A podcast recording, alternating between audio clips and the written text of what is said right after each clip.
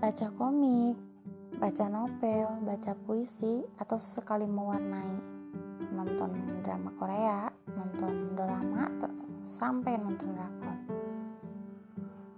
Itu salah satu kegiatan me time aku.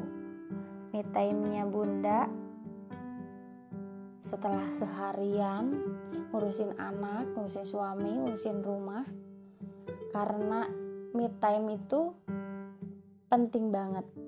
Penting banget buat bunda untuk menjaga kewarasan. So setiap malamnya bunda akan mengajak berbagi tentang me time-nya bunda